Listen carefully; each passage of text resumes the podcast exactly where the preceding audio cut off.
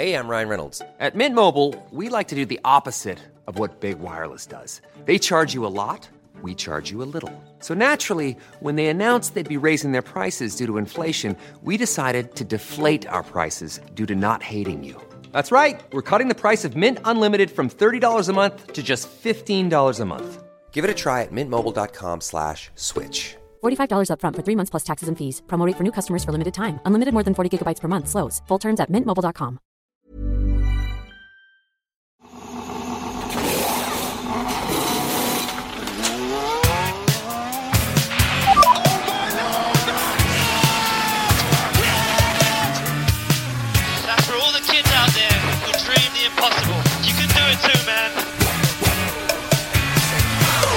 Ja, hej hej på er. Det är Filip här.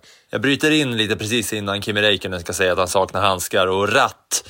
För i det här avsnittet så har vi en liten del där vi pratar om teamchefer och vi pratar lite grann om Fred Vassör och hans eh, exit från Alfa Romeo. Men precis när vi har spelat in, klippt färdigt och tryckt på knapparna för att publicera det här avsnittet ut i poddeten så blir det såklart en dunderrokad i massor med teams. Så Anna berättar lite snabbt här vad som händer och vi kommer prata om det nästa vecka. Men i det här avsnittet så ingår inte riktigt all den info som faktiskt finns på bordet nu, för den finns på Annas blogg. Men Anna, vad, vad är det som har hänt?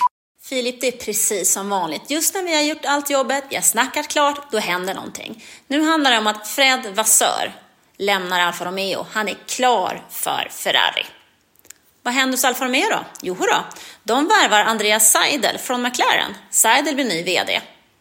Och hos McLaren plockar man upp Andreas Stella. Sen ska vi inte glömma bort att Williams och Jost Capito har avslutat sitt samarbete och även tekniska direktören får gå. Men nu kör vi vidare.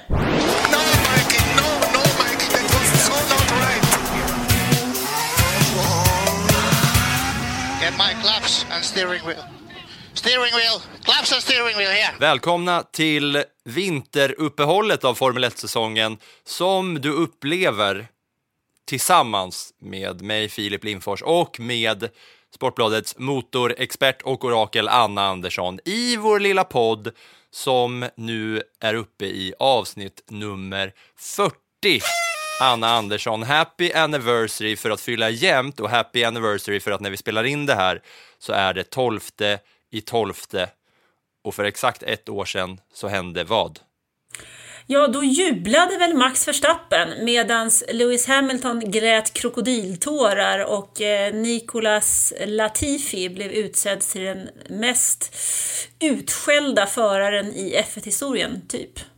Det var Abu Dhabis GP. Det stämmer mycket bra. Det är väl en dag som för evigt kommer leva med i historieböckerna, tänker jag mig, va? På alla sätt och vis. Säkerligen, men när man tittar ut genom fönstret och ser att det liksom är vinter, snö och vitt liksom, så känns det extremt långt bort med den där F1-finalen i Abu Dhabi förra året. Det var egentligen märkligt att det, säsongen pågick så otroligt nära jul i fjol. I år på grund av, eller tack vare, jag vet inte vad man ska säga, när det gäller fotbolls-VM då så eh, tog ju säsongen slut betydligt fortare. Och kanske var det väl tur, med tanke på att Max Verstappen säkrade titeln så tidigt så hade vi ju inte velat dra ut på det ännu längre. Eller? Nej, exakt så.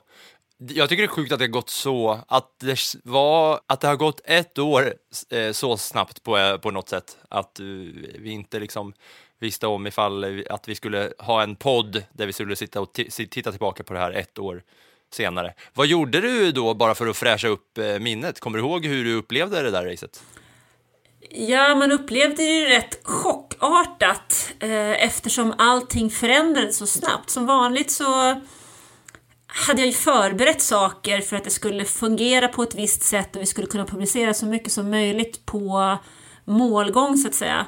Eh, jag har för mig att jag lajvade det loppet också för att det var en final. Vi lajvade inte så... Alltså, det har ju varit en sån här... lajvning har ju varit på och av kan man ju säga under året. Men, men eh, den finalen var ju väldigt, väldigt tydlig och jämn liksom inför, så det var ju en himla hype där. Men det slut, jag vet ju att jag fick ju verkligen inse, okej okay, nu händer det här och nu kommer det här att hända. Hur ska vi då förbereda och jobba vidare? Så det var lite lätt eh, stresspåslag där kan jag säga. Det var inte och då var du också verkligen, då, nej, då var du också verkligen ensam med väldigt lite förståelse från många av alla Sportbladets medarbetare, för det var inte så många som liksom hade hakat på den här F1-hypen som börjat bubbla runt om i världen. Och jag kan säga att en av de här anledningarna till att det blev en, en, ett live av eh, F1-finalen var att eh, jag lyfte upp den tanken på eh, Sportbladets julpub förra året när vi satt lite halvdragna på en pub i Stockholm efter att ha varit hemma hos eh, Sportbladets eh, medarbetare Andreas Käck och haft lite Hoola baloo. Så då satt vi där, spelade dart och drack massa öl och sen så eh, då pitchade jag in. Det är klart som fan det ska lajvas, det måste vara chatt och hela faderullan inför den här F1-finalen. Det är så jävla stort. Och alla satt där som frågetecken, de som har koll på saker och ting och som, de som bestämmer. Och sen blev det. Och sen blev det, och sen blev det så mycket mer. Jag var faktiskt i, i Oslo på ett eh, Schibsted-event. Schibsted är ju våra ägare, Svenska Dagbladets ägare och även Världens Gangs ägare i Norge, bland annat. Och även Blocket och TV.nu och en herrans Ja, det, massa annat. det är enormt, enormt många olika bolag, inte bara inom mediebranschen. Ehm, Vi lyder under norskt styre på samma sätt som många fotbollsklubbar lyder under liksom arabvärldens eh, styre och oljepengar. Så styr- styrs vi av Norges. Ja, och i alla fall så hade de eh, eh, lansering av en sån här eh, F1, eller av en eh, framtidsrapport. Och i den framtidsrapporten så fick jag faktiskt äran att skriva ett, eh, eh en text, ett bidrag kring just Formel 1 och den satsning som Sportbladet har gjort på Formel 1. Så jag var faktiskt där och pratade om Formel 1 också och den eh, förändring som har skett inom sporten. Så att eh, efter det där loppet i Abu Dhabi så har det hänt vansinnigt mycket faktiskt. Alltså på samma sätt som det har hänt mycket i F1-världen, att det har gått en hel säsong till, så har det även hänt en hel del i vår bevakning av det. Och det är ju så himla kul. Och det är mycket till stor del av att vi faktiskt har så många som lyssnar på den här podden. Så fortsätt att lyssna på den här podden och i och med att det är så många som lyssnar på den här podden så betyder det att det faktiskt borde vara så att det finns folk där ute som också skulle uppskatta den. Så om ni har folk som ni vet ni kacklar lite Formel 1 med ibland, nämn för bövelen att de ska lyssna på den här podden. Är det en person som är äldre, vi kanske har eh, många 60-talister i landet som gillar Formel 1 och motorsport, visa då denne hur man lyssnar på poddar, för det kan behövas ibland. Hjälp till att fixa en app och tryck på prenumeration så man får upp det i mobilen varje vecka när varje avsnitt kommer. Och varje avsnitt kommer komma. Vi har, eh, vi har haft lite planering du och jag, Anna. Det kan vara bra att gå igenom det för lyssnarna också, för att det är ju en vinter när vi nu ska göra avsnitt varje vecka och vi har gjort en del förberedelser och vi har gjort ett par intervjuer som vi vet att ni lyssnare kommer eh, kunna njuta av eh, mycket Eh, som, som kommer komma här under vintern. Och det är så att eh, den här F1-världen, det är ju inte supermycket action nu när det är uppehåll. Det, vi, eh, vi får ju kämpa för att skrapa ihop lite nyheter som vi ska, som vi ska leverera till er eh, som, som lyssnar och läser och sådär. Så i vinter så kommer vi ha lite tidlösa avsnitt med, som tidigare nämnt, då, lite intervjuer. Vi kommer ha lite genomgångar av klassiska events. Det kommer vara lite specialavsnitt kring julaft eller kring jul och kring nyår och eh, lite sånt specialare som kommer ut. Och därför så kommer vi kanske spara lite på nyheterna så att vi samlar upp nyhetssjok, så att säga. För eh, inför det här avsnittet så, så är liksom min första stora nyhet som jag har, det är liksom att Hondas logga kommer finnas kvar på Red Bulls och Alfa Tauris bil nästa år. Det är ungefär så mycket som har hänt i nyhetsväg i Formel 1-världen. Ja, så ni kan ju först- förstå att man inte kan köra nyheter varje vecka. Jag vet, det här finns mer som vi ska prata om, sprintrace och så vidare. Men det kommer vara ungefär på den nivån om eh, så här vecka efter vecka. Så därför kommer, vi, kommer det vara något, några avsnitt som ni kanske tänker, vad fan snackar de inte om det här eller det här för? Det kommer, lugn, det kommer. Ja, men det är lite så vi får tänka för att vi ska kunna göra lite, och det är lite roligt också att göra lite andra typer av, av eh, avsnitt eh, som, som eh, får en att både tänka tillbaka och tänka framåt. Men nu ska jag inte prata mer om det, nu kan vi snacka om det som har hänt istället, för det har hänt en del. Det gör vi. Utöver Hondas, den här extremt stora nyheten om att Honda kommer ha kvar sin logga på eh, Red Bull och eh, Alfa Tauri-bilen till 2023, så är väl den stora nyheten om sprintracen som kommer vara på kalendern 2023. Ja, men det är det väl. Då ökas ju faktiskt från tre till hela sex.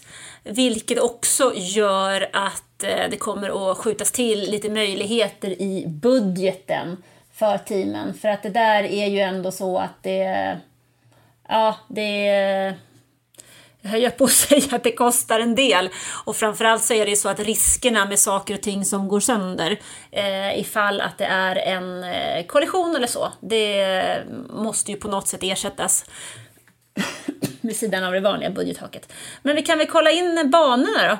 Och det som jag kan tycka är lite kul är att Brasilien där vi har haft två ruskiga sprints. Du minns väl eh, Lewis Hamilton 2021 va?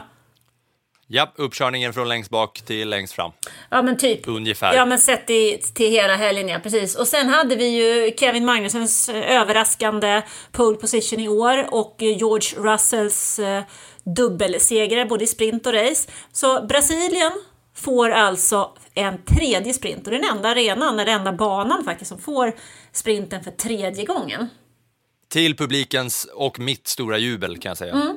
Det tycker jag känns eh, helt rätt val. Ja, och sen får vi ju en eh, i år igen, eller nästa år igen, får vi en på Spielberg Österrike. Där var det debut somras. Det var också lite kul för det är en väldigt förhållandevis kort bana och, och ganska kuperad. Så där är det ju alltid så att kvalet spelar en himla roll. Och det vart ju också en spännande helg av att lägga sprinten där. Så det ser vi fram emot. Det är Red Bull Ring vi pratar om där alltså. Ja, precis. Det är väl jag som inte gjorde extra reklam där utan jag känner att jag sa Spielberg istället för det. som Ja, ja ligger. men det är, nog, det är också för att du har koll på vad det var för bana innan och medan jag och många av våra lyssnare kanske känner den mer som Red Bull Ring. På samma sätt som kanske om man följer ett fotbollslag som har bytt arena. Man kanske tänker på Highbury när man tänker på Arsenal. Andra som är nytillkomna kanske tänker på eh, ja, den nya. Ja men så är det ju. Det kan ju när man har, oavsett vilken idrott det är, när man har ett lag som har spelat i en viss arena under många år och man har följt det där laget under många år så blir man ju helt eh, Alltså för mig så, ja men handbollsnörd som jag är, så heter det ju i Kiel heter det ju Ostseehalle. Inte 17 heter det Wunderino Arena som det heter just nu. Det känns ju jätteknasigt. Och för mig som, eh, som ändå gör en hel del ishockey på våran eh, kära tidning så heter det fortfarande Elitserien för mig. Och det heter fortfarande Delfinen och det heter fortfarande Gavlerinken. Men Gavlerinken, jag förstår inte. Hur kan man ens byta namn på den? Den sitter ju liksom i, i själen. Ja, nej, jag vet. Alltså jag, förra, för två säsonger sedan så, så live-rapporterade jag typ alla matcher i SHL under hela säsongen och ändå så sitter det så pass djupt rotat att det heter Elitserien och inte SHL. Nog om detta. Vad fan, hur hamnar vi ens där? Jo, men vi hamnade för att jag sa Spielberg och du var tvungen att tala om att Och det Red Bull Ring. Ring. Och jag hade lika gärna kunnat säga att det heter A- A1. Som den hette förut. Brasilien, Red Bull Ring. Mm. Vart är det mer det ska sprintas? Azerbajdzjan. Belgien. Qatar och USA. Austin får USAs första sprint. Åh, vad kul med Austin. Det är ju en bana som, eh, som är väldigt rolig. Annars så lyfter man väl på ögonbrynen för Qatar kanske. I dessa eh, tidevarv. Alltså sen så kan jag tycka då att eh, Azerbajdzjan är ju ett stadslopp med väldigt, väldigt lång, med långa raksträckor och lite knixiga moment där det kanske kan vara kul att se den under två dagars tävlande. Spa? Mm.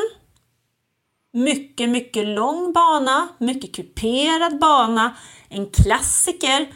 Vad kan hända där under ett sprintrace? Det är också en sån som det ska bli lite spännande att se. Jag tycker ändå de har försökt att sprida ut de här sprinten nu under på olika världsdelar, olika bantyper. Så att jag eh, känner nog att det där kan bli kul. Jag gillar ju sprinthelger också eftersom det bryter av den där vanliga, jag ska inte säga grå F1-vardagen, men den vanliga slentrianen, vanliga säsongen, vanliga racecykeln liksom. Mm. Double the eh, sprint race, double the fun till nästa år. Eh, och sen finns det väl he- en hel del att säga om att just vi fortsätter i riktningen av att det hamnar i skurkländer så att säga. Alltså att eh, det hamnar i Azerbajdzjan och Qatar, att två sådana här destinationer är lite kontroversiella sådär. Men det kanske vi kommer in på i ett senare avsnitt just, så vi, eh, vi fokuserar på racingen i det här avsnittet. Men ja, jag känner också double the eh, sprint racing, double the fun till eh, nästa säsong. Mycket kul ska det bli.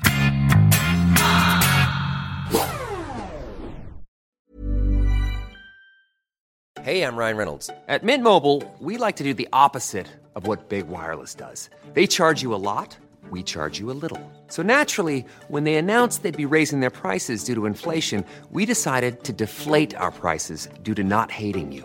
That's right. We're cutting the price of Mint Unlimited from $30 a month to just $15 a month. Give it a try at mintmobile.com slash switch. $45 upfront for three months plus taxes and fees. Promo rate for new customers for limited time. Unlimited more than 40 gigabytes per month. Slows. Full terms at mintmobile.com.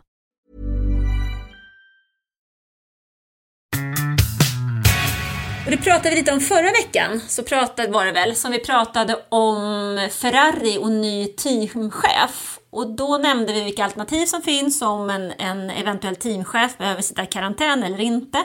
Och så finns det en schweizisk tidning som heter Blick med en reporter som heter Roger Benoit, som jag höll på att säga är nästan till en inventarie i Formel 1, alltså han har funnits med där betydligt längre än vad jag har gjort och han är god vän med Bernie Ecclestone. Det är en av anledningarna till att Bernie Ecclestone nästan alltid pratar med Blick.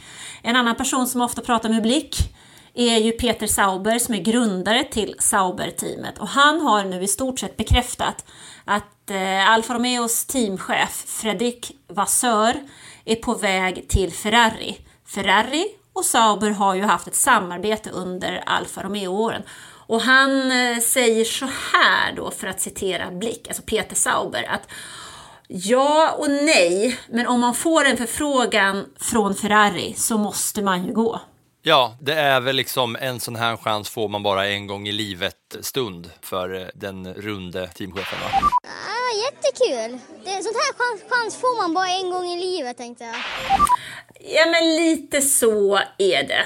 Och då får ju det eh, nästa konsekvens då. Vad händer hos Alfa Romeo Sauber? En vild... Det känns ju som att det håller på att krackulera det där nu inför eh, liksom, bytet. Ja, men en vild gissning är ju då kanske att man tittar åt ett tyskt håll, för det är ju sista året nu som Alfa Romeo ska jobba med Sauber.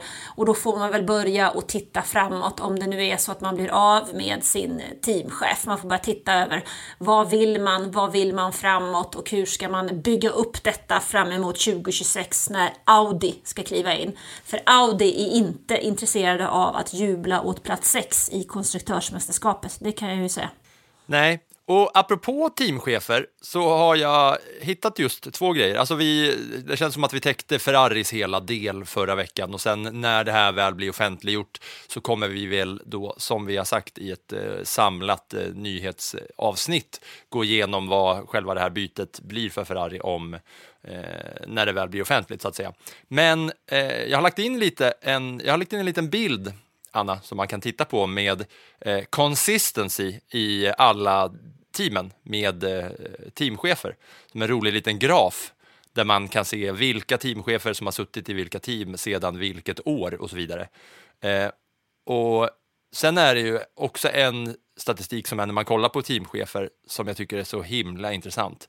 Det är att hälften av alla teamchefer i Formel 1 i hela uppställningen Hälften, fem av tio, kommer alltså ifrån ett litet, litet, litet bergområde i Europa som sträcker sig från Mattia Binottos eh, eh, liksom, eh, eh, födelseort i Lausanne i Schweiz i väst och så sträcker det sig till Toto Wolfs födelseort Wien i Österrike i öst. Det är inte en lång sträcka och däremellan så eh, föddes alltså Günther Steiner, eh, Franz Tost i Alfa Tauri och Andreas Seidel i McLaren i, eh, i Tyskland däremellan. Det är ju helt sanslöst, är det inte det? Jo. Du ser om du scrollar ner lite i vårt dokument så har du en liten karta där det är inringat. Du, jag, de jag, har sett, eh, jag har sett kartan över Alperna, höll jag att säga, som går genom Ja. eh, Schweiz, eh, Tyskland och Österrike och eh, smiter ner över Italien. Så Det att, är helt sjukt ju. ja, det är imponerande att hälften av alla teamchefer i Formel 1 just nu kommer från det området. Absolut det är inte många mil man snackar om, men vi, det är ju en värld som egentligen är väldigt, väldigt stor. Men om vi går tillbaka då till den här, eh, den andra lilla grafen som jag har lagt in här, är ju att man ser att det är ett team som har haft en och samma teamchef. Nej, det är två team som har haft eh, en och samma teamchef sedan 2010. Och det är de båda tjurteamen.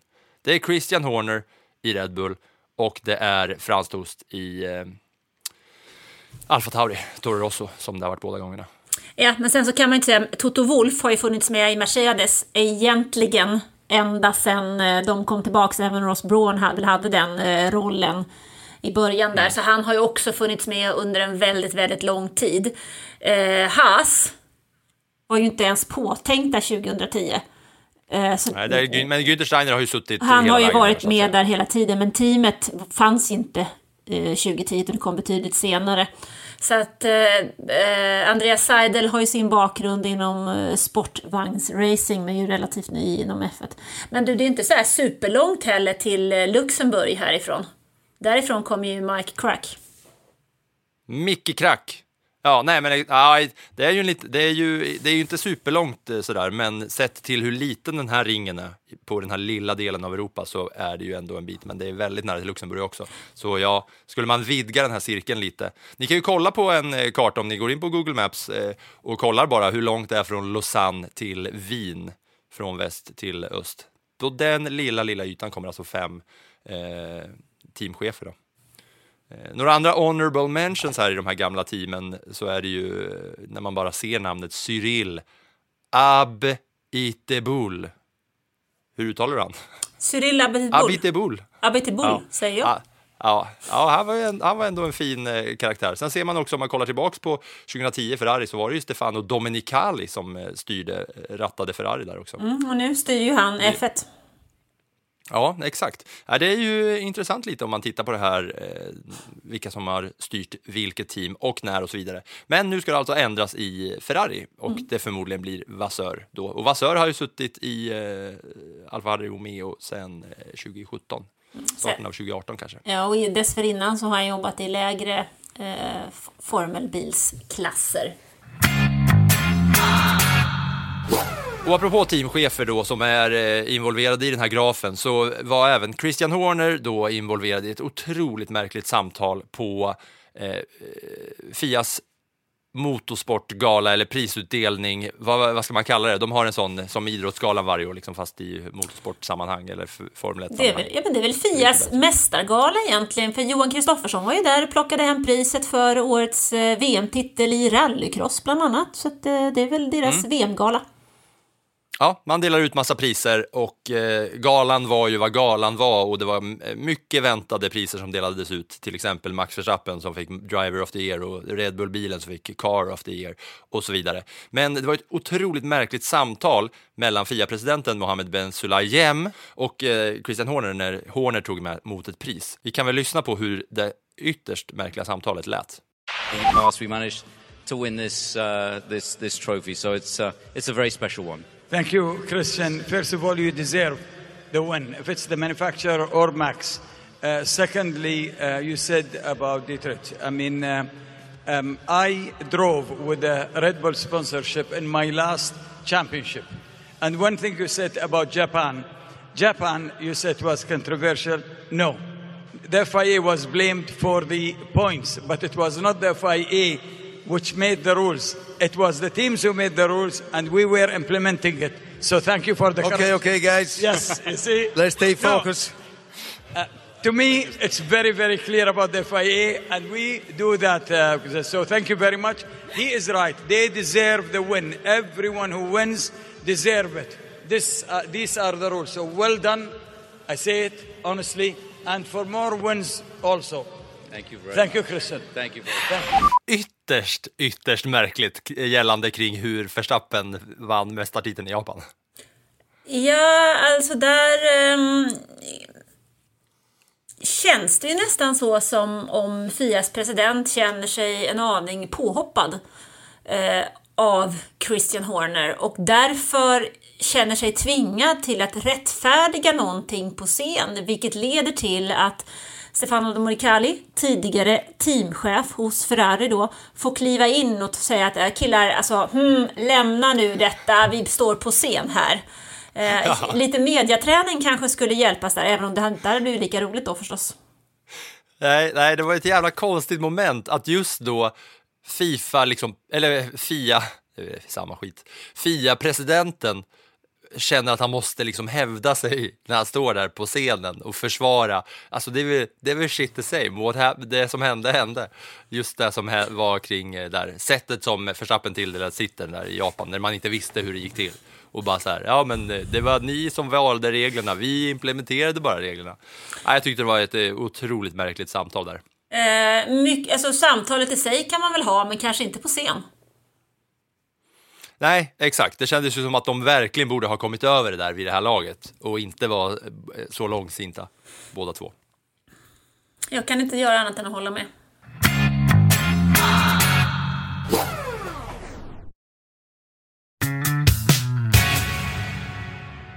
Och vi snackade om sprintracen förut och nu är det även klart, det, det kommer lite på löpande band så här nu hur eh, det, förlängs kontrakt och eh, det styrs av kontrakt. Kina försvann från kalendern. Nu är det klart att Zandvoort eh, i Nederländerna förlänger sitt kontrakt till 2025. Konstigt vore väl annars med tanke på eh, Max Verstappen. Och att Max Verstappen, eh, att de ser Max Verstappen som en potentiell vinnare more years to come. Att det är klart att eh, världsmästaren eh, förmodligen ska ha ett eh, race på hemmaarenan. Så att de kan stå där med bengaler och sula in på eh, arenan och bli utslängda och grejer. Ja, just det, det var så som det var i år, ja, de här, eh, den här orangea röken. Ja, och även eh, de galna duvorna var också på eh, Sandvort. Som, som gick omkring och pickade med skallen så här, nacken fram och tillbaka när bilarna åkte förbi i full fart. Som var hur chill som helst. Det kanske Eh, skulle det behöva, man behöva ha samma, till. samma lösning där som de har i Montreal, där de har någon slags murmeldjur eller så som, som gärna smiter in över vägen. Så de liksom har en rensning av dessa inför ett F1-race. Har någon sån här, eh, jag vet inte, fäderfjäs duvrensning. Du, det låter, det låter ju, det låter inte riktigt PK. Att köra, köra den, den stora duvrensningen i Nederländerna. En, en gång om året. Nej, men i- ja, men det är väl som en älgjakt, älgjakt eller eh, liknande. Ja, men i, i, var, varje... I Montreal så flyttar man dem faktiskt till en annan ö så att bara så att de inte ska springa in över banan. Och lite här får man ha något nät över så att de inte flyger in liksom. Ja. ja, men det förlängs till 2025. Ingen chock eh, och ett positivt besked för att det är väl en uppskattad och rolig bana, va? Får man väl säga. En sista liten grej som vi ska kolla på i det här lilla avsnittet för dagen är eh, att vi ska, vi ska kolla på all statistik mellan alla förare i form av ett head-to-head dokument här med eh, hur det sett ut just i teamen. Och det är väl lite så här också inför nästa säsong att man kan se lite vart, vart vindarna blåser och så vidare. Eh, så ja, helt enkelt. Vi börjar i Mercedes bara och kollar på dem. Eh, hur, hur det faktiskt har gått i eh, mellan då. Eh, vi ska inte stanna så himla länge vid varje team, men om man kollar på Lewis Hamilton, George Russell, så inför säsongen så hade väl kanske många lyft på ögonbrynen om man hade vetat att ehm, George Russell skulle ta fler poäng än eh, Lewis Hamilton och eh, outracea honom 15 gånger mot 9. För det är faktiskt vad den här statistiken säger. Jag ska säga vad alla, alla siffror som vi har med här när man kollar dem, när man eh, jämför dem med varandra. Vi har hur många, gånger de har hur många gånger de har kvalat ut varandra, hur många gånger de har raceat ut varandra, poäng, hur många gånger de har tagit poäng, för det kan ju faktiskt eh, skilja, hur många race-segrar, hur många pole positions och sen är det ja, appearances i Q1, Q2, Q3 och topp 5 och podium och ja, massa. Average start, alltså genomsnittlig startposition också intressant. Och där, eh, och genomsnittlig målposition. Men där stoppar du alltså in sprintracen i samma kolumn som GP-racen då? För tittar man bara Ja, på, så George Russell, på så sprint... George Russell har två race-segrar. Ja, för tittar man bara på racen så är det ju faktiskt inte så stor skillnad. Där är det väl 10-12 eller något sånt va? Och medan Hamilton Mm. är bättre i kvalen då. Ja, exakt. För George Russell har eh, då 15 gånger kommit före Hamilton i race och Hamilton har kommit före eh, Russell nio gånger under den här säsongen. Men Hamilton kvalade ut Russell 12 mot 9. Det är lite intressant eh, på något sätt och särskilt i den här Mercedes-bilen som var så himla konsistent under hela säsongen där de oftast gick i mål. För de har bara tre DNF sett över båda förarna Mm. under hela säsongen. Ja, men det är väl en lite intressant eh, grej. Däremot är det också intressant att se faktiskt, tycker jag, att när det kommer till sprintkvalen så är det tvärtom. Då är det faktiskt Russell som har varit bättre än Hamilton, medan Hamilton eh, har ett, en större eh, styrka i GP-kvalen. Ja, ja men det, det är lite eh, intressant hela den där eh, hela den där grejen. Och jag undrar då, om man, om man kollar på de här siffrorna så eh, känner man ju så här, alltså rent Eh, om man ska sätta någon slags procent kring vem som vinner den här eh, fighten då, så känns det ju ändå så här 60-40 George Russell kanske. Eh, bara taget från eh, de siffrorna som jag tittar på och, vara, och jag är väldigt matematiskt inkapabel till att vara duktig. Men har det här då, tror du, förändrat lite hierarkiskt i Mercedes inför nästa säsong? Har han liksom kravlat sig upp lite, Russell, mot Hamilton? För eh, jag tänker när han kommer som nykomling till Mercedes så är det väl inte så mycket snack om att Hamilton är kungen och George Russell är prinsen. Nej, men han har väl i alla fall bevisat att han, att han är mogen uppgiften. Så kan man väl säga tycker jag. För att här, jag tycker ändå att eh, om man jämför snarare då jämför Russell med Bottas som var där tidigare så tycker jag att nog att, att Russell har varit eh, lite mer på. Ja, det är faktiskt stor skillnad, för där har de, här har de ju liksom låtit eh, Russell och Hamilton racea en hel del också och, och Russell som sagt eh, kliver i mål med 275 poäng och Hamilton med 240. Eh, så det är ju intressant. Ska vi lämna Mercedes? Yes. Jag vet inte, är, vi, får, vi får liksom spana in några siffror och, och grotta ner oss pyttelite i. Eh, sen kommer vi till utklassningsteamet nummer ett i Red Bull. Där är det inte så jävla mycket att snacka om. Det är kul mest att se, eh, om man kollar på Perres, liksom, eh, om man jämför de två, att eh, det var bara fyra gånger som han kvalade ut Max Verstappen och bara fem gånger som han outracade Verstappen. Det är ju inget snack om saken här. Det var inte många som, ja, det är väl, de där siffrorna kan man väl liksom anamma på resten av hela fältet nästan. Nej men där kan jag tycka att Versus Verstappen. Ja, alltså där kan jag tycka att problemet när det gäller just Red Bull och eh, Sergio Perez så är ju egentligen inte problemet att han inte har, har slagit Verstappen fler gånger. Eftersom Verstappen är uttalad etta i den här tiden. Men problemet är väl att han inte har slagit de andra tillräckligt många gånger. Han, har, han behöver höja sin lägsta nivå för att eh, han hade ju behövt ta den här andra platsen i VM och kanske ligga lite närmare Verstappen. Nu klarade Verstappen av detta ändå, men jag tänker framöver ifall nu att Mercedes piffar till sig till nästa säsong, fixar till bilen, McLaren tar ett steg till, Ferrari har en bil som inte, vars motor håller och inte eh, puffar allt för mycket eld under säsongen så behöver han ju steppa upp för att kunna vara det stödet för Max Verstappen som Red Bull vill. Annars finns det någon annan Mm. som väntar i kulissen om man säger så. Mm. Och man kan också titta på eh, antal gånger som eh, förarna var i Q3. Där eh, var ju Max Verstappen där 22 gånger och Perez var bara där 19 gånger, så han failade ju ett par gånger att ta sig hela vägen dit ens. Liksom. Men båda är i topp 5 20 gånger var. Och eh, topp 10 eller topp 15 eller topp 10 22 versus 23 då är som sagt sprintracen medräknade. Eh, Ja, det är, Perez kanske, kanske borde lyfta sig lite och eh, trots att han har sagt nu i intervjuer med, med Sky att han inte är orolig över Daniel Ricciardos intåg i det här Red Bull-teamet, kanske ändå eh, lite press inför nästa säsong att eh, lyfta sig ett snäpp.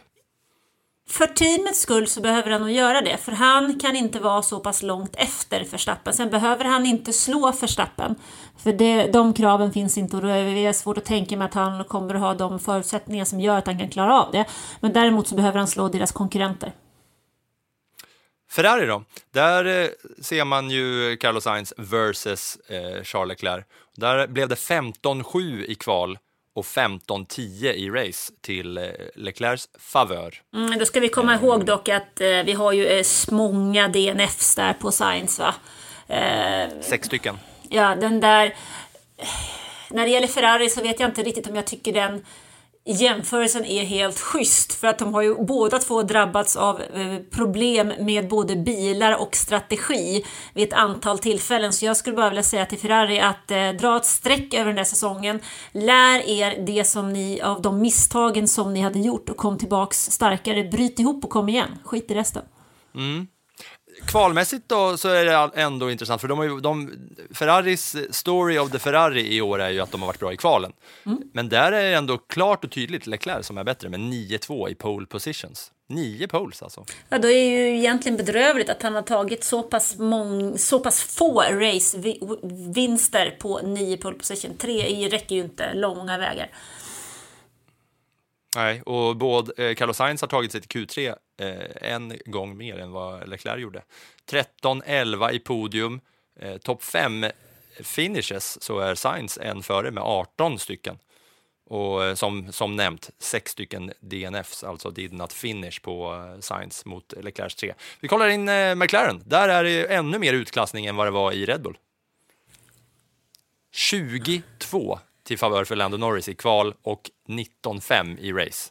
Och tittar man bara på siffrorna så här när de står uppställda bredvid varandra så, så kan man ju kanske förstå att eh, Ricardo sticker därifrån. Jag hoppas att Daniel Ricciardo för sitt eget självförtroende och välmående skull inte tittar på de där siffrorna utan att han har strykit ett streck Mm. över det och gått vidare.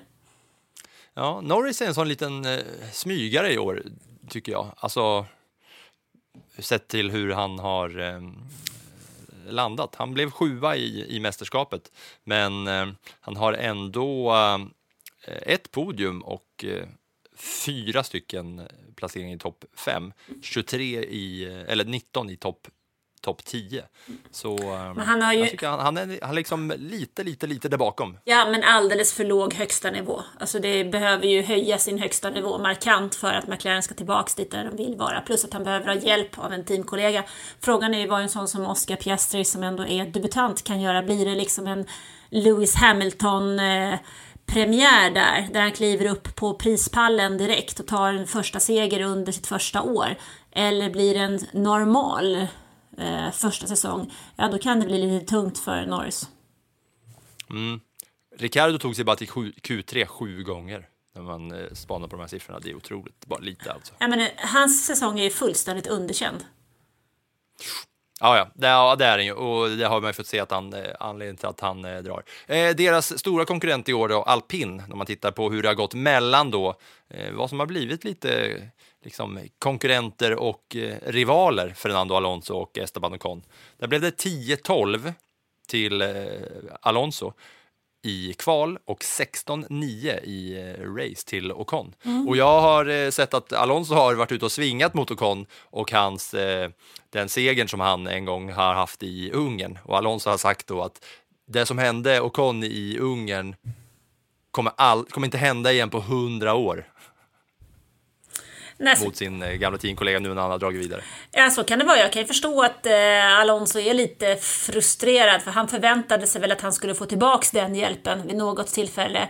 Det fick han inte. Det är det som man kan väl känna kan finnas en viss oro inför nästa år där Ocon och Pierre Gasly ska samsas.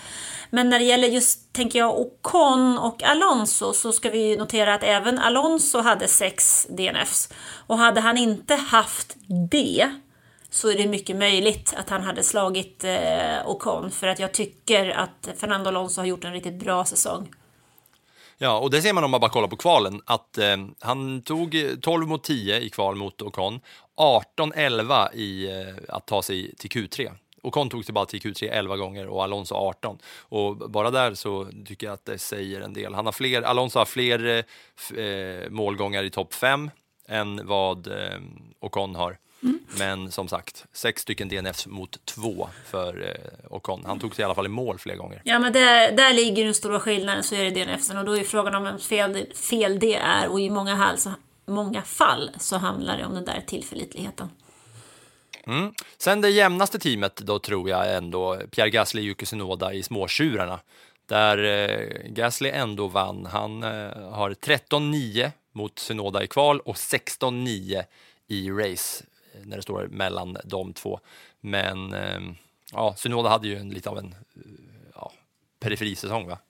Ja, det kan vi säga. Jag tycker hela Alfa Tauri var i periferin. Och någonstans så Ja. känns ju till och med, alltså Aston Martin känns, känns väl nästan, tycker jag, jämnare. Eh, än Alfa Tauri, för där vart det väl 11-11 va? Blev det inte så? Mellan Stroll och Vettel. Ja, i, i racen blev det 11-11 mellan eh, Stroll och Vettel. Vi kan väl hoppa dit direkt. Det finns inte så jävla mycket mer att säga om eh, Synoda och Gasly kanske. Bara att teamet en gång hamnade i topp 5, Det var eh, Gasly som, som gjorde det, eh, sett de båda emellan. Och bara eh, tio gånger i topp 10 på hela säsongen, sett till båda förarna. Ja, men vi går till Aston Martin. Där blev det 11-11 och det är ju väldigt jämnt i racandet. Eh, Vettel hade en mer DNF än Stroll. Eh, men där tittar man på kvalet där Vettel hade 13-7 mot eh, Strulovic. Ja, och eh, sett till eh, VM-poängen så var det ju också en tokseger för Vettel. Så att eh, han kan väl eh, lämna F1 med rak rygg tycker jag. Mm. För kan man kolla där också, genomsnittlig startposition så har Vettel startposition 13,2 och eh, Stroll 14,6. Mo- eh, genomsnittlig målgångsposition så är Vettel 10,5 och eh, Stroll 11,4. Och sen är det då eh, stor, stor skillnad här igen. Alex Albon mot Nicolas Latifi i eh, Williams.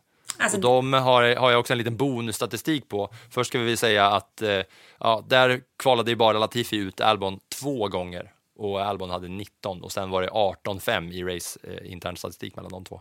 Spel mot ett mål hade man sagt om det var fotboll. Ja, verkligen. 5 mot 3 i eh, gamla klassiska elitserien.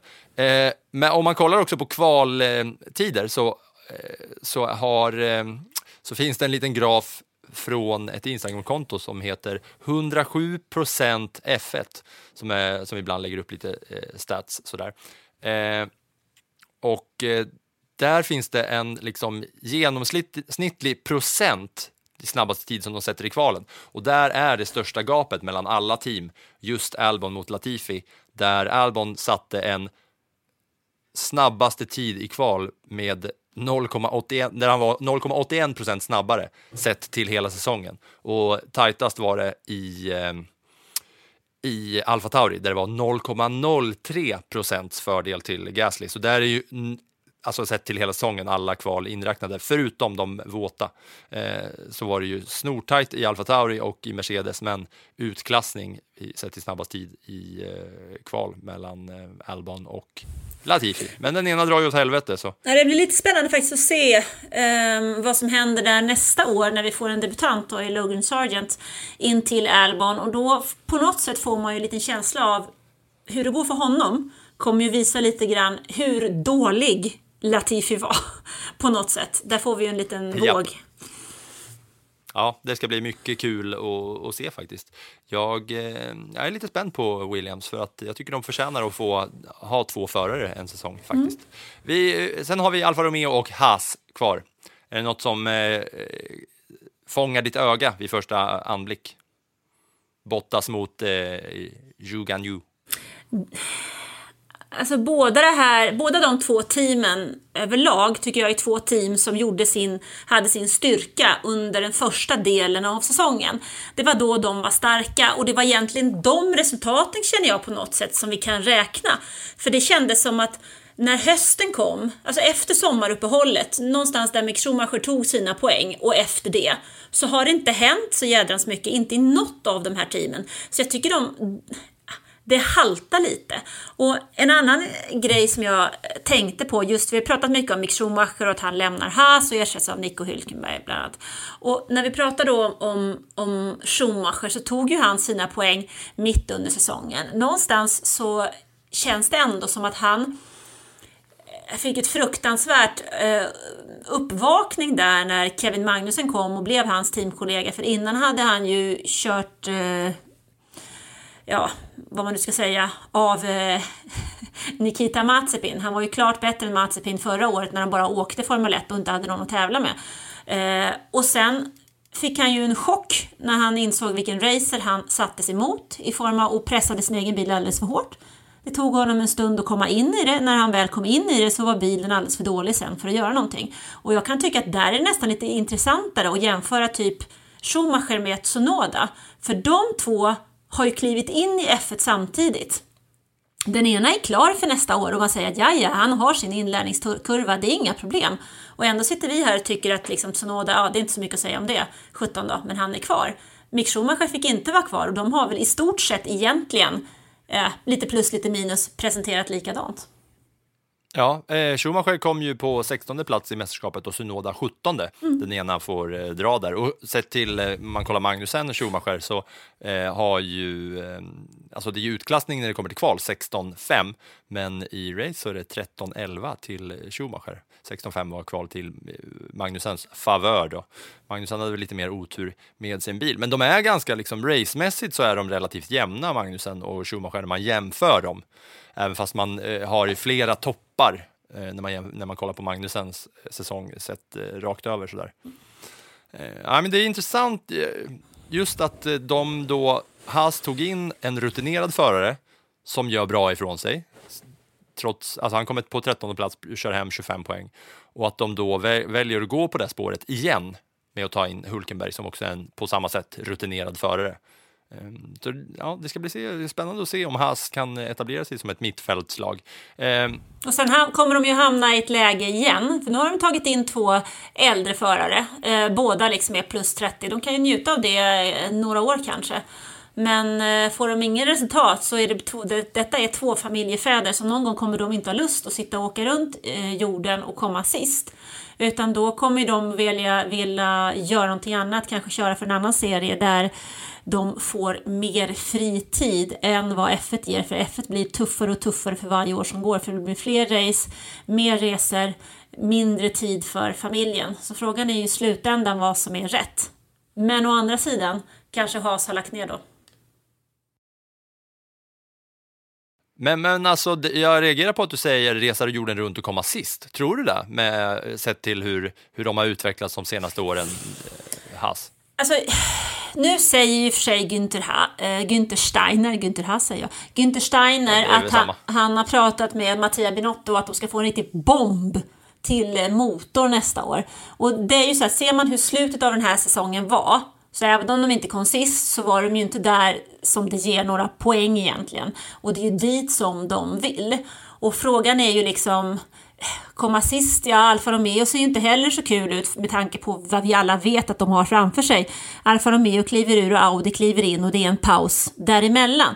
Eh, Williams, men är det de platserna man som 35-åring vill kämpa om? Ja, det var en fråga till mig. Ja, det var en fråga till dig. Eh, ja, nej, nej, alltså eh, jag tror absolut att eh, det kommer vara liksom eh, lite fight högre upp. Det, var, det jag reagerar på var just uttrycket åka runt jorden och komma sist. Ja, som att, alltså, det var 20, att det var året 2020? Eller Nej, men jag tänker så här att Haas har inte uppdaterat sin bil speciellt mycket under hösten. De har legat långt bak. Och om du kommer på plats 20 eller om du kommer på plats 14, det är inte sån himla stor skillnad. För frustrationen för de här förarna som har varit med en lång stund, den är, hamnar när de inte kommer upp i poängen. För det är där de vill vara. Och frågan är ju om de når dit. Det kanske är kul ett år eller två att sitta och köra om plats 12 och ta poäng någon gång. Men i det långa loppet så tror jag inte att någon som är plus 30 och har barn hemma tycker att det är jätteskoj att lägga ner så mycket tid och aldrig och att veta, veta när du kommer till en tävlingshelg att jag har inte en chans att nå en prispall. Jag är körd. Vad är alternativet då? Att köra någonstans ja. där du faktiskt kan få poäng, där du kan ta en pallplats där du kan känna glädje över det du gör? Eller är det så viktigt att köra just Formel 1 att det överväger? Jag kan säga att det är rikt, rätt jobbigt som förälder när det första ditt barn lär sig att säga är hej då pappa. Mm. Ja, nej, där har jag ju inte mycket att sätta emot eftersom att jag inte har någon aning om hur det är. Det enda jag har att sätta emot är ju att Kevin Magnussen, har han barn eller? Japp, har du inte sett dem? Hon är fantastiskt ja. duktig, gullig. Hon har suttit där i bilen på sociala medier och tv-rutan och sånt i, ja, i Men, cockpit. Vad kan hon vara? Inte ett år? Det, nej, jag har ingen aning för att jag visste inte ens om det, men då, då, blir det, då blir min poäng här ännu tydligare för att Kevin Magnussen säger ju på radion när, han, eh, när, det, när det vankas att han kommer starta på pole position i Brasilien. Då säger han ju klart och tydligt. Det här är den bästa stunden i hela mitt liv. I've never ever felt like this in my life, guys. Så det kanske betyder något ändå, när man, ändå, när man sätter den där gången. Ja, men är den värd allt? Ja, det är en fråga vi får ta för sen. Jag bara liksom tänker att hur tänker de framåt här med en 35-åring och en 30-åring? Hur länge tycker, jag förstår att teamet kanske tycker det är bra, men hur länge tycker förarna det är kul? Hur de tänker framåt kommer vi få reda på om man fortsätter lyssna på Plattan i mattan. Och du och jag, Anna, vi fortsätter eh, ta oss igenom den här vintern på lite olika sätt och det kommer ni få höra i kommande avsnitt. Det är snart jul, det är snart nyår, snart är det då också nytt år 2023 och vi kommer sen närma oss. Eh, det kommer komma nya bilar, det kommer komma nya designer, det kommer komma massa nyheter. Men Anna och jag kommer också ge er en hel del intervjuavsnitt som kommer komma framöver så att plattan i mattan är i alla fall relevant trots att det inte händer något i F1-världen. Nej, men vi hänger i, vet du. Och ni hänger med. Så vi tackar för idag och så hörs vi om en vecka. Tack, tack. For all the kids out there who dream the impossible, you can do it too, man. No, Mikey, no, no, Mikey, was. Oerhört länge. Ända sedan Alfa Romeo var Sauber. Sveriges Radio Play och tacka ja till pushnotiserna.